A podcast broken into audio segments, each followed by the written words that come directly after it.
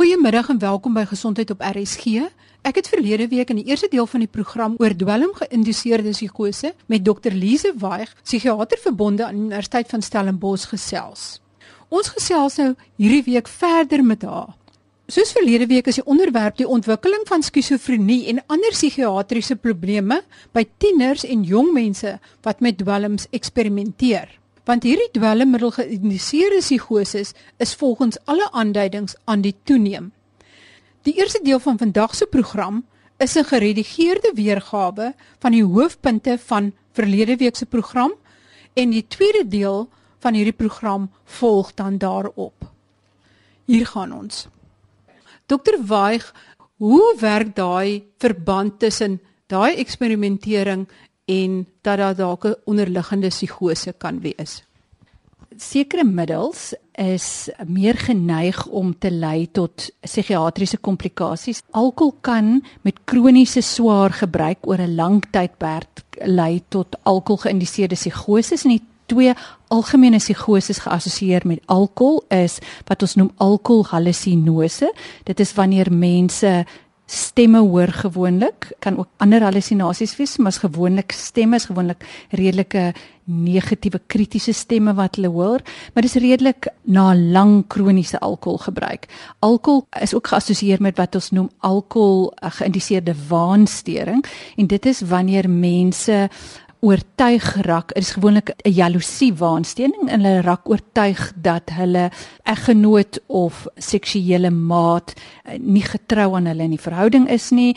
En dit is ook dan dikwels geassosieer met geweld en daar selfs 'n assosiasie met moord gevind met alkoholhallusinose. Ander middels wat geassosieer is met psigose is cannabis of dagga jou endokannabinoïdstelsel is verantwoordelik vir 'n 'n klomp moduleringsfunksies. Een van die funksies is dat dit ander oordragstowwe in die brein reguleer. Wanneer daar disregulasie in die in ander breinarea oordragstowwe is, dit kan lei tot psigose.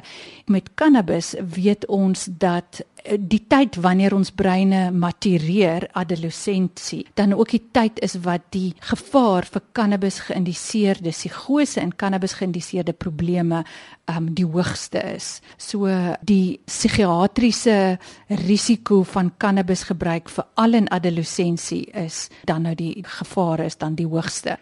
Die ander groot groep wat geassosieer is met psigose is is die stimulante en in die Wes-Kaap is tik of kristalmetamfetamiene dan nou die groot sonnebok.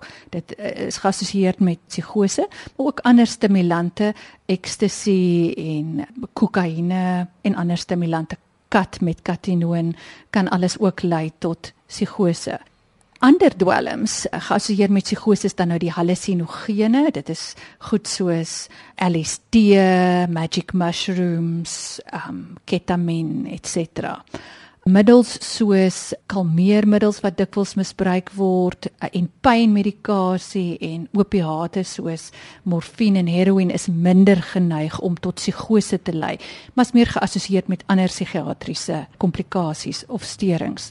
As ons dan nou kyk na middels en psigose, dan kan dit wees dat die middel self 'n substans geïndiseerde psigose veroorsaak. Gewoonlik raak die persoon dan nou erg psigoties. Nou miskien moet ons psigose definieer. Psigose is 'n 'n simptoom wat dui daarop dat daar 'n ander onderliggende probleem is. Daar's 'n gewoonlik 'n ander onderliggende probleem wat die psigose veroorsaak. Dit kan wees 'n mediese probleem, dit kan wees 'n onderliggende psigiatriese siekte of dit kan veroorsaak word deur sekere middels of of dwelms dan nou. Hoe tree iemand op wat psigoties is? Psigose uh, presepiteer dan nou met iemand wat kontak verloor met realiteit. Hulle kan hê wane. Nou wane is soos 'n vaste valse oortuiging het wat nie bloot verduidelikbaar is as gevolg van kulturele of geloofs-oortuigings nie wat die persoon aan onwrikbaar vashou wat dan nou van alle waarheid ontbloot is byvoorbeeld iemand is uit om my dood te maak of die aliens het iets kom implanteer in my kop of wat ook al. En ons kry verskillende tipes wane, vervolgingswane, grootheidswane, betrekkingswane ensovoorts, verskeie ander wane. Dan kan 'n persoon ook presenteer met hallusinasies. Met ander woorde, iemand kan stemme hoor of geluide hoor wanneer daar geen geluide is nie of goed sien wat nie daar is nie of goed voel op hulle vel taktiele hallusinasies wat nie daar is nie. Partykeer herken ons bloot psigose aan erg versteurde gedagteprosesse of erg versteurde bizarre abnormale gedrag wat 'n persoon dan nou mee kan persepiteer as ons psigose sien, as ons daai goeie sien, dan soek ons die onderliggende oorsaak daarvan.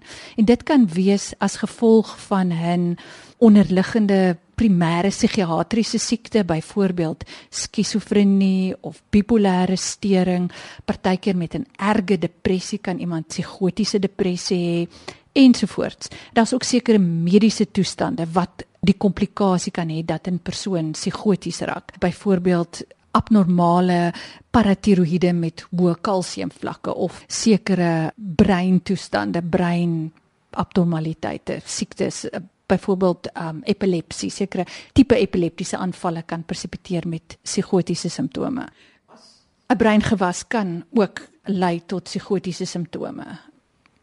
En dan nou dwelms is ook 'n groot ander oorsaak of of middels. Hoe onderskei julle tussen 'n onderliggende psigiatriese probleem wat deur 'n middel soos dagga of tik of 'n ander middel aangeskakel word en of die middel self die psigotiese episodes veroorsaak? Dit is 'n penarie wat psigiaters baie keer mee sit en daar's verskillende goed wat ons gebruik om 'n voorkeurdiagnose te maak. Wanneer iemand 'n middel gebruik het wat geneig is om 'n psigotiese stering te veroorsaak, dan moet dit definitief in ons diferensiële diagnose wees. 'n Middelgeïndiseerde psigose is 'n psigose wat gewoonlik redelik vinnig opklaar in meeste gevalle. As die probleemmiddel wat gebruik is, die persoon op om dit te gebruik, dan gewoonlik klaar die psigose binne dae tot weke op ander goed wat vir ons kan aanduiding gee is byvoorbeeld as iemand 'n sterk genetiese predisposisie tot 'n psigiatriese stering het. Byvoorbeeld daar's 'n sterk familiegeskiedenis van skizofrenie. In so 'n geval as die persoon 'n middel misbruik en hulle raak psigoties, gaan ons sterk oorweeg of dit nie 'n onderliggende primêre psigiatriese stering is nie. Dan kyk ons ook baie keer in die geskiedenis is daar periodes wanneer die persoon dwelmvry was, maar simptome gehad het van die psigiatriese stering Partykeer is dit nie baie duidelik nie en dit vat 'n ervare psigiater om te kan uitsif of dit 'n primêre probleem of 'n onderliggende probleem is. Kan die middel 'n onderliggende probleem aanskakel wat dan nie weer afgeskakel kan word nie? Presies hoe middels 'n psigotiese stering kan presipiteer, is ons nog net besig om te begin verstaan en dit wil lyk van navorsing of mense wat geneties kwesbaar is tot 'n psigiatriese stering, meer geneig is om ook 'n middelgeïndiseerde psigose te ontwikkel. Indien ten spyte van die feit dat die persoon ophou om die middel te gebruik indien die psigiatriese simptome nie opklaar nie, dan is dit partykeer dat die psigiaters uiteindelik die besluit neem dat dit was 'n onderliggende stering wat aangeskakel of gepresipiteer was deur die gebruik van die middels. Kan mens vooraf voorspel watter jong mens gaan so reageer. Ongelukkig het ons nie 'n bloedtoets wat gaan sê wat vir ons die toets gaan gee wat vir ons gaan sê juis die een wat psigoties gaan raak en met skizofrenie gaan eindig nie. Wat ons wel weet is dat kwesbare mense wat byvoorbeeld geneties kwesbaar is of wat psigologies kwesbare breine het, 'n hoër kans het om dan nou 'n onderliggende probleem te ontwikkel. Jy kan nie ongelukkig sê voor jy jou eerste keer jou dagga rook, ek is die een wat gaan eindig met skizofrenie of nie. Hoe ons weet hoe jonger jy is, hoe hoër is die kans dat jy met langtermyn psigiatriese probleme gaan eindig, hoe groter die hoeveelheid dwelm is wat jy gebruik veral dan nou tik en dagga, hoe groter is die kans vir langtermyn psigiatriese steurings en dan hoe groter jou genetiese lading, hoe groter is jou kans vir langtermyn probleme. Bipolêre stering is van die psigiatriese stering, die psigiatriese stering met die hoogste substanskomorbiditeit. Meer as die helfte van pasiënte met 'n diagnose van bipolêre stering in van hierdie groot internasionale epidemiologiese studies het ook dan nou kriteria vir 'n 'n substansstering gehad. In die algemene populasie, enigiemand wat substansie gebruik, het 'n hoër kans vir selfmoord om verskeie redes. Wanneer 'n mens aan bipolêre stering ly, is daar verskeie redes hoekom so iemand 'n of 'n maniese of 'n depressiewe terugslag kan kry. Partykeer gebeur dit net, maar ons weet ons kan die kans vir daai terugslag verminder as iemand sy medikasie getrou neem. So dit kan wees dat iemand opgehou het om sy medikasie te neem. Dit kan wees dat hy geweldige stres het, maar substansie of middels, die misbruik van substansie kan ook 'n terugslag van bipolêre stering veroorsaak mens moet seker wees van die diagnose want ons moet onthou dat intoksikasie van sekere middels en herhaalde intoksikasie van sekere middels kan baie lyk soos 'n kliniese beeld van bipolêre stering. So mens moet mooi kan onderskei is dit herhaalde stimulant intoksikasie met dan wat lyk soos 'n manie en dan nou tydens die onttrekking van 'n stimulant kan mense baie bedruk raak. Is dit bloot as gevolg van herhaalde intoksikasie en onttrekking of is dit dit 'n ware bipolêre stering wat die persoon dan nou aan ly dat jy dit toepaslik behandel?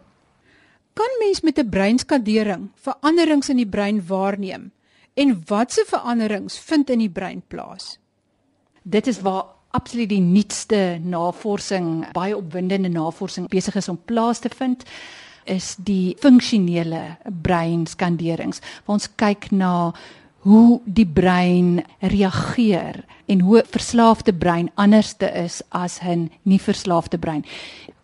Ons weet dat met die gebruik van middels alle middels wat dan nou 'n verslawingsgeneigtheid het, lei tot vermindering van die funksie van die dopaminerge stelsel in 'n sekere deeltjie in die wat ons noem die mesolimbiese deeltjie van die brein spraak van die reward pathway, die beloningsarea in die brein.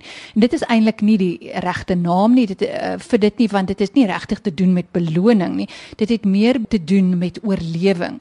So dit is die area in die brein wat vir ons help om gedrag te herhaal wat noodsaaklik is vir oorlewing.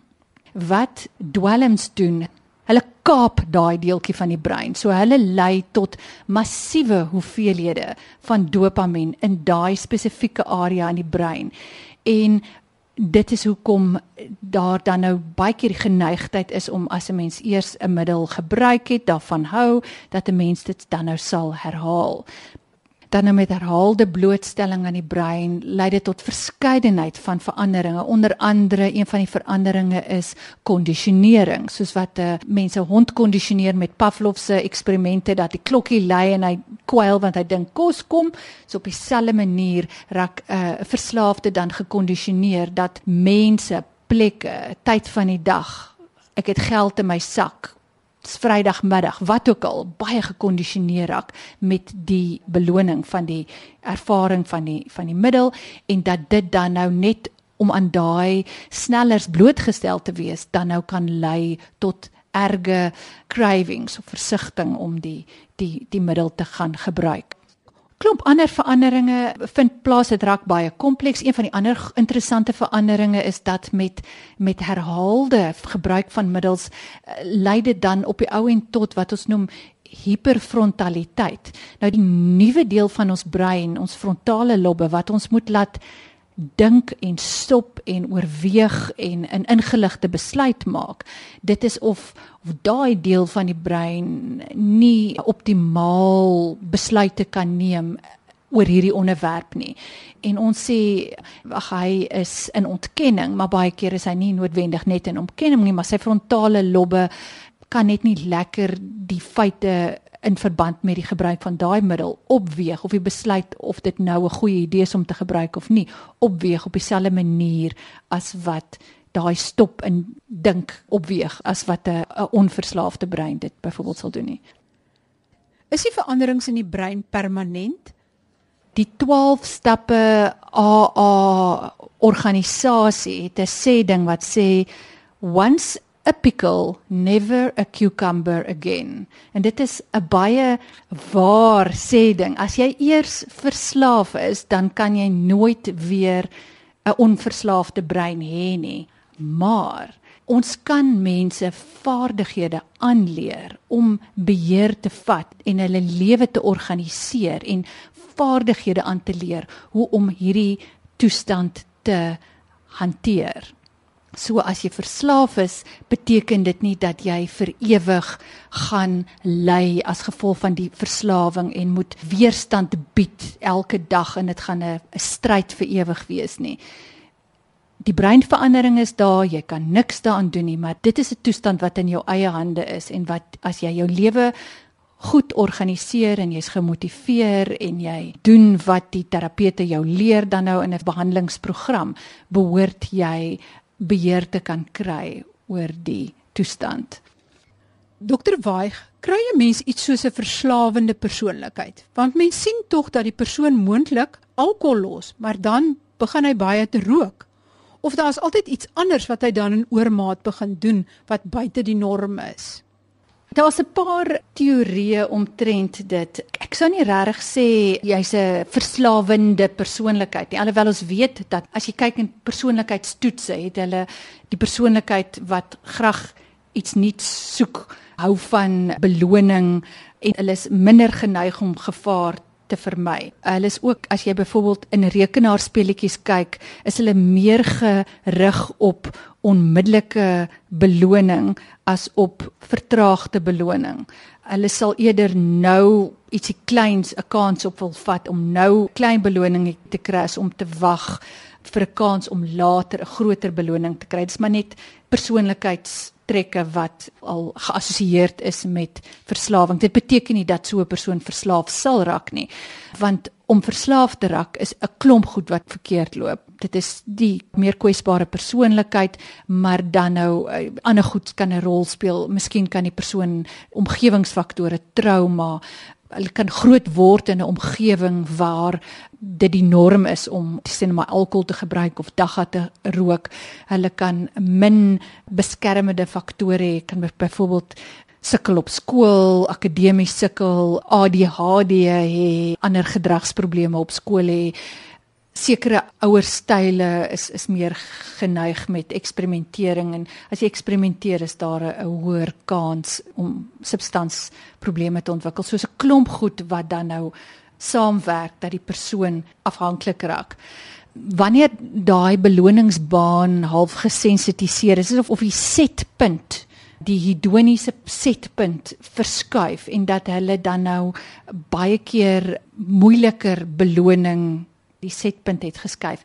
En dit is hoekom hulle partykeer dan nou kruisverslaaf raak aan iets anders of iets anderste wat eh, geneig is om 'n dopamien high te veroorsaak, um, geneig is om te gebruik. En dis nie noodwendig net ander middels nie. Partykeer is dit is hulle ook in 'n hoër gevaar vir sekere gedragsverslawings wat ehm um, deesdae al hoe meer erken word soos dobbel of shopping addiction, inkopies doen of kompulsief eet of wat dit ook al is of oorgebruik van kafeïn.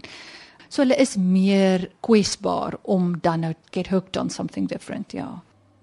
Die verband tussen hoë dopamienvlakke en dobbel is nogal interessant.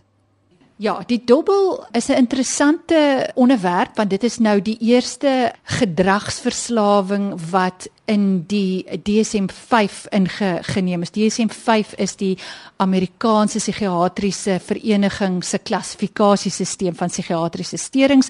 Dit is dit laas jaar uh, bekend gestel en die eerste gedragsverslawing wat dan nou in die klassifikasiesisteem ingevat is is dobbelverslawing. Daar's klomp ander genoem al en beskryf en en spekulasie oor maar dobbelverslawing is definitief daarin gesluit en die neurobiologie is soortgelyk aan die neurobiologie van chemiese verslawings en die behandelings is ook redelik soortgelyk, selfe tipe behandelingsbeginsels wat word baie keer gebruik. Dit is ook interessant dat pasiënte met Parkinson siekte wat gepaard gaan met verlaagde dopamien vlakke en dus met dopamien behandel word, dubbelprobleme kan ontwikkel as hulle behandelingsdosis te hoog is. Die neuroloog behandel gewoonlik pasiënte met Parkinsons, maar dit is goed beskryf, die dubbelverslawing en hulle noem selfs dat party Parkinsons pasiënte meer van die dopaminerge middels gebruik as wat voorgeskryf word. Kan jy dit 'n verslawing noem? Waarskynlik nie, maar dit is in elk geval 'n interessante ding wat beskryf is. Die dubbelverslawing word gewoonlik nie behandel in chemiese verslawingsbehandelingssentrums nie. Wanneer jy dobbel dan gaan 'n persentasie van die geld gaan dan vir die National Gambling Helpline en die behandeling dan van dubbelverslawing. En as jy belangstel daarin, dan wil jy praat met Heidi Sinclair by UCT want sy is die psigiater wat daarmee deel. Dokter Waig, as jy 'n seun of dogter van 16 of 17 het en hy of sy wil uitgaan met maats, wat sal jy vir hom of haar sê? Want hulle gaan wel groepsdruk beleef om te kan eksperimenteer. Ek dink dat om op 16 te begin om 'n plan te maak met hierdie probleem is te laat. Ek dink ons moet al in preskool begin om ons kinders voor te berei en weerbaar te maak vir die probleem van verslawing. Ek dink dat dit gaan oor om kinders te leer om eenvoudige goed soos om te wag vir beloning, daai vaardigheid aan te leer eerder as onmiddellike beloning. Probleemoplossing, betrokke ouerskap. Byvoorbeeld 'n ouer wat self drink of rook of dagga rook, kan nie van sy kind verwag om dit nie te doen nie. Daai ouer modellering kan 'n groot rol speel. Dis een van die maniere waarop ons leer is uit modellering van ouers. So dit begin eintlik al van kleins af om op 16 'n boodskap te probeer gee is, is eintlik te laat. Dit gaan oor te kyk na wat is jou kind se kwesbare eienskappe en te werk daaraan wat hulle meer kwesbaar maak vir verslawing, byvoorbeeld om die psigiatriese probleme vroeg op te tel, die aandagafleibaarheid vroeg op te tel en behandeling te kry daarvoor om kinders wat byvoorbeeld swak selfbeeld het of swak probleemoplossingsvaardighede of ander lewensvaardighede het om dit aan te spreek om te kyk na hulle ewe knie groepe, hulle peer groups met wie sosialiseer hulle te kyk na die ouerskapstyl, 'n uh, eh, betrokke ouerskap wat betrokke is wat wat grense stel en grense nie net stel nie maar ook kan toepas maar in 'n 100% aanvaarende, liefdevolle manier is 'n ouerskapstyl wat meer beskermend is sodat wanneer die kind op 16 is, hy die vaardighede aangeleer het om te kan probleme oplos, om te kan beter besluite neem. En dan moet ons onthou dat daai deel van die brein wat jou laat rasioneel probleme oplos, nie impulsiewe optree nie, daai dele ontwikkel later. So 'n adolessent is gefokus op hier en nou en weet die kans dat hy gesondheidsprobleme 20 jaar later gaan optel, optel in vergelyking met om nou in onder groepsdruk as 'n swakkeling uit te staan. Hulle kan net nie lekker daai uh, as hulle dit opweeg, hulle neem baie keer die verkeerde besluit en nie meer noodwendig altyd die regte besluit nie. So ouers moet betrokke wees. Hulle moet weet waar hulle kinders is. Ouers moet nie vir kinders byvoorbeeld alkohol koop nie. Vir kinders vra om vir hulle alkohol aan te gee of sigarette aan te gee nie. Daai tipe goeters is meer geneig om dan nou te lei tot latere middelmisbruik. Die boeke praat van the family meal. 'n Familie moet betrokke wees by mekaar se lewens. Hulle moet weet wat gaan aan in mekaar se lewens sonder om oor te betrokke te wees. 'n Familie moet probeer om eenmal 'n dag ten minste saam te eet en te gesels en te weet wat in mekaar se lewens aangaan. Sodat ook as 'n uh, adolessent probleme het dat hy weet dat hy sy ouers kan vertrou om hom te help om uh, die probleem op te los. Maar om vir hom 'n ou boodskapie of 'n preekie te gee voor hy vanaand uitgaan dan het jy eintlik al die bus gemis. En ook ek dink ouers moet bewus wees van die gevare daar buite sodat hulle vroeg kan optel as dinge nie goed gaan nie. As skoolpunte agteruit gaan of as die kind terugkom en ryk na rook of sy oë is rooi of hy ryk na alkohol, dan moet hulle bewus wees daarvan dat hulle waarskynlik iets moet doen en hulle moenie net 'n blinde oog draai nie. Hulle moet betrokke raak en dit ondersoek en kyk wat gaan aan. Ja, want 'n ouer weet nie hoe jou kind se brein gaan reageer op alkohol of 'n dwelmmiddel nie en of daar dalk skizofrenie of 'n ander psigiatriese siekte is wat aangeskakel kan word nie. Ek dink nie dit is 'n goeie idee dat adolessente alkohol gebruik nie. Ek dink die adolessente brein is baie kwesbaar. Ek dink die adolessent is veral baie kwesbaar vir die gevare van dagga. Daar's nou studies wat ook gekyk het na dinge soos IK wat gewys het dat adolessente wat gereeld cannabis gebruik, het 'n val in IQ waar meeste ander kinders se IQ opgaan wat gereeld cannabis gebruik. Die assosiasie met cannabis en skizofrenie is ehm, 'n um, baie sterk assosiasie wat uh, verskeie studies nou bevestig is een van die behandelbare risikofaktore van die ontwikkeling van skizofrenie. So daar is daar's baie redes hoekom adolessent sy brein mooi moet oppas. Tik is dan sekerlik ook gevaarlik. Tik is 'n baie neurotoksiese middel. Die tik is geassosieer met multiple neurologiese, neuropsigiatriese en ander gesondheidsprobleme. Psigose, ander psigiatriese probleme, neurokognitiewe inkorting, ens. So dit is regtig nie iets om mee te speel nie. So vinnig kom ons dan alweer aan die einde van ons program gaan luister gerus weer na die program en verlede week se op www.rsg.co.za en klik op die potgooi. En as jy aan my wil skryf, my e-posadres is gesond@rsg.co.za. Tot volgende week dan. Totsiens.